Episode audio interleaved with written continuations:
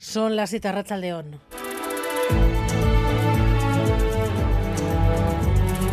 Gambara con Arancha García.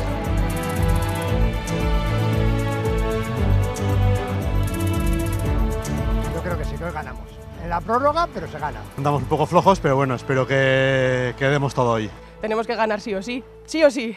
Un partidazo que seguramente que, que llegaremos a Sevilla, ¿no? Y por lo menos dos goles de ataque habrá. Edu García Rachaldeón, Real Mallorca en poco más de dos horas. Así es, Rachaldeón, un partidazo, la vuelta de las semifinales de la Copa y no va más. Es el primer partido de Copa que va a coger este año el estadio de Anoeta y puede ser además el que dé el pase a la, la final del día 6 de abril, con ese deseo que tiene el conjunto Churi Urdín de estar de nuevo en una final como lo estuvo en 2021, aquella que se jugó en la Cartuja, que correspondía a la final del 2020 y que la Real le ganó al Athletic en eh, el eh, estadio sevillano. Hay una carga emocional eh, muy importante para este partido, una carga ambiental muy fuerte, lo vamos a descubrir enseguida, aunque ya lo venimos contando to toda la semana, pero lo que importa es lo que pase en el verde, y ahí hay que ganar, porque en la ida se, se empató a cero, por tanto hay que jugar 90 minutos, 120, o como decía uno de los aficionados, incluso en los penaltis, pero hay que ganar el partido ante el Mallorca. Estaba en la convocatoria Mikel Oyarzábal, veremos si está para jugar o no y si juega cuánto lo hace el capitán, pero es importante que esté en esa lista de convocados. El Mallorca llega sin presión y con todos los disponibles.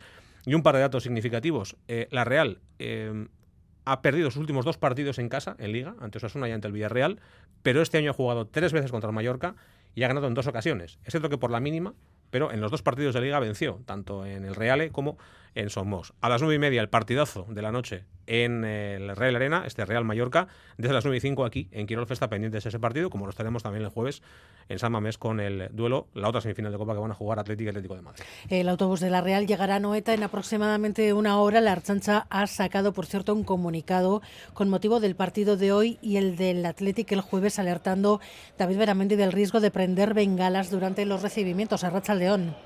Arracha León, muy buenas tardes a todos. En efecto, la Ertzaintza advierte de la peligrosidad del uso de bengalas. Eh, puede causar, dice, quemaduras, problemas oculares y de audición, también problemas derivados de respirar humo tóxico. Pero no se queda ahí, hay más, dice David Villa, portavoz de la Ertzaintza. También existen otros riesgos para la seguridad, como son los que se ocasionan en los recibimientos a pie de calle, donde existen un gran número de personas y algunas de ellas utilizan bengalas. El humo que se desprende eh, puede ocasionar que los conductores de vehículos no tengan la suficiente visibilidad y se puedan producir atropellos a personas. La advertencia llega después de que el Departamento de Seguridad haya prohibido que el autobús de la Real Sociedad llegue a Noeta desde la Avenida de Madrid. Deberá hacerlo finalmente por el Paseo de Rondo, algo que ha enfadado y mucho a la afición Churiurdin. La Ertzaintza recuerda para hoy y también para el jueves que la ley contra la violencia en el deporte prohíbe usar bengalas tanto en el interior como en el exterior de los estadios. De hecho, aquí en las cercanías de la Plaza Armería, también en el Rondo, hemos visto que la Ertzaintza ha puesto ya cintas para evitar que los aficionados se acerquen al autobús de la Real. Por el momento, bueno, pues numerosos seguidores de la Real se están reuniendo en los bares cercanos a Noeta, calientan motores, todos, como decíamos, a la espera de que llegue ya por fin el autobús de la Real.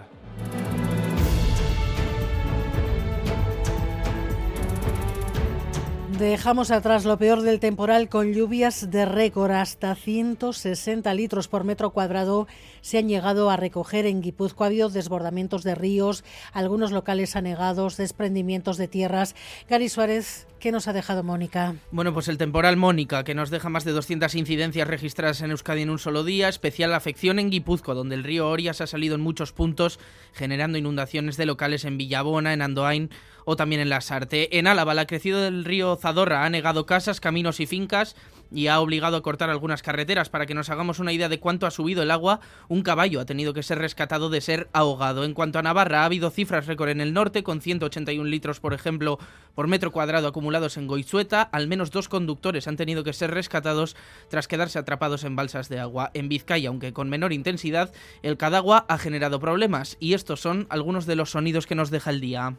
Está mi garaje inundado, y hemos sacado todos los coches, las motos, todo. Siempre sale en el mismo punto, los mismos garajes, los mismos sótanos. Está cortada la calle, que no se puede ni pasar andando porque dicen que está inundado. Un lío, vamos. Tengo un comercio aquí. El problema es que no me llega ningún suministro. Ha sido escalofriante cuando hemos venido y hemos visto el caballo que se estaba ahogando. Como vivimos justo al lado del río, no podemos salir de casa porque está todo inundado. En carreteras a esta hora precaución en la A8 en Arrigorriaga, en la entrada a los túneles de Malmasín.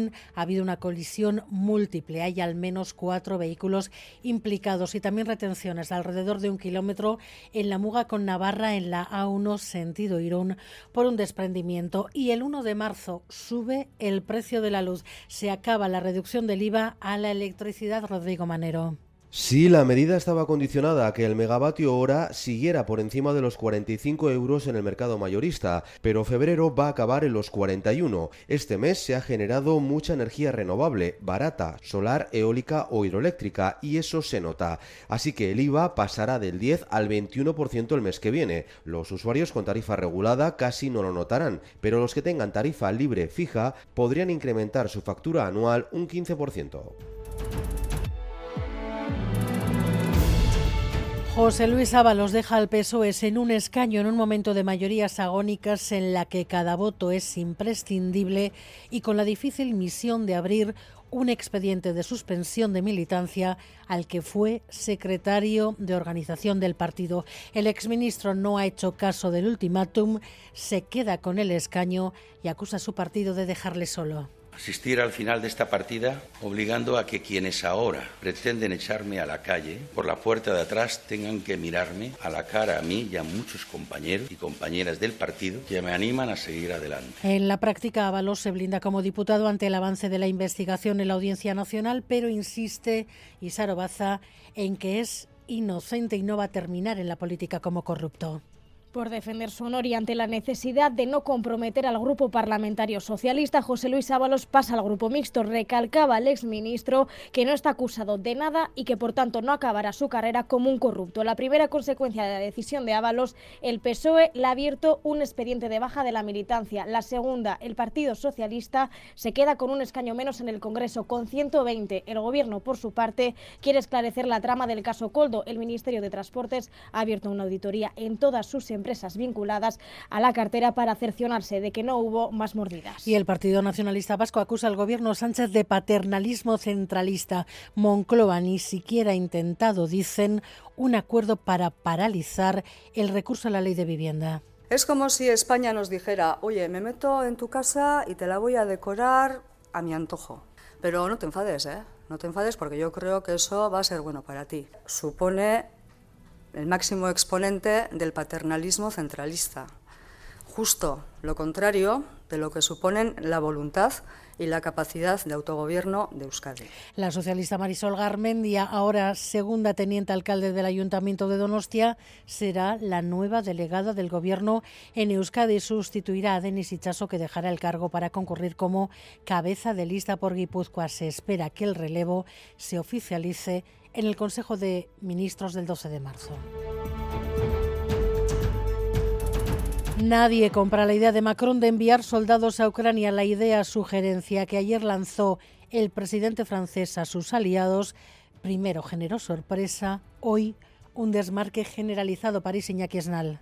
El último en desmarcarse ha sido Estados Unidos, dice la Casa Blanca, que no enviarán soldados sobre el terreno. También Alemania, Reino Unido no estamos de acuerdo y, España, entre otros, han rechazado públicamente subir el tono. Asimismo, el secretario general de la OTAN ha negado cualquier tipo de plan para enviar soldados a la guerra.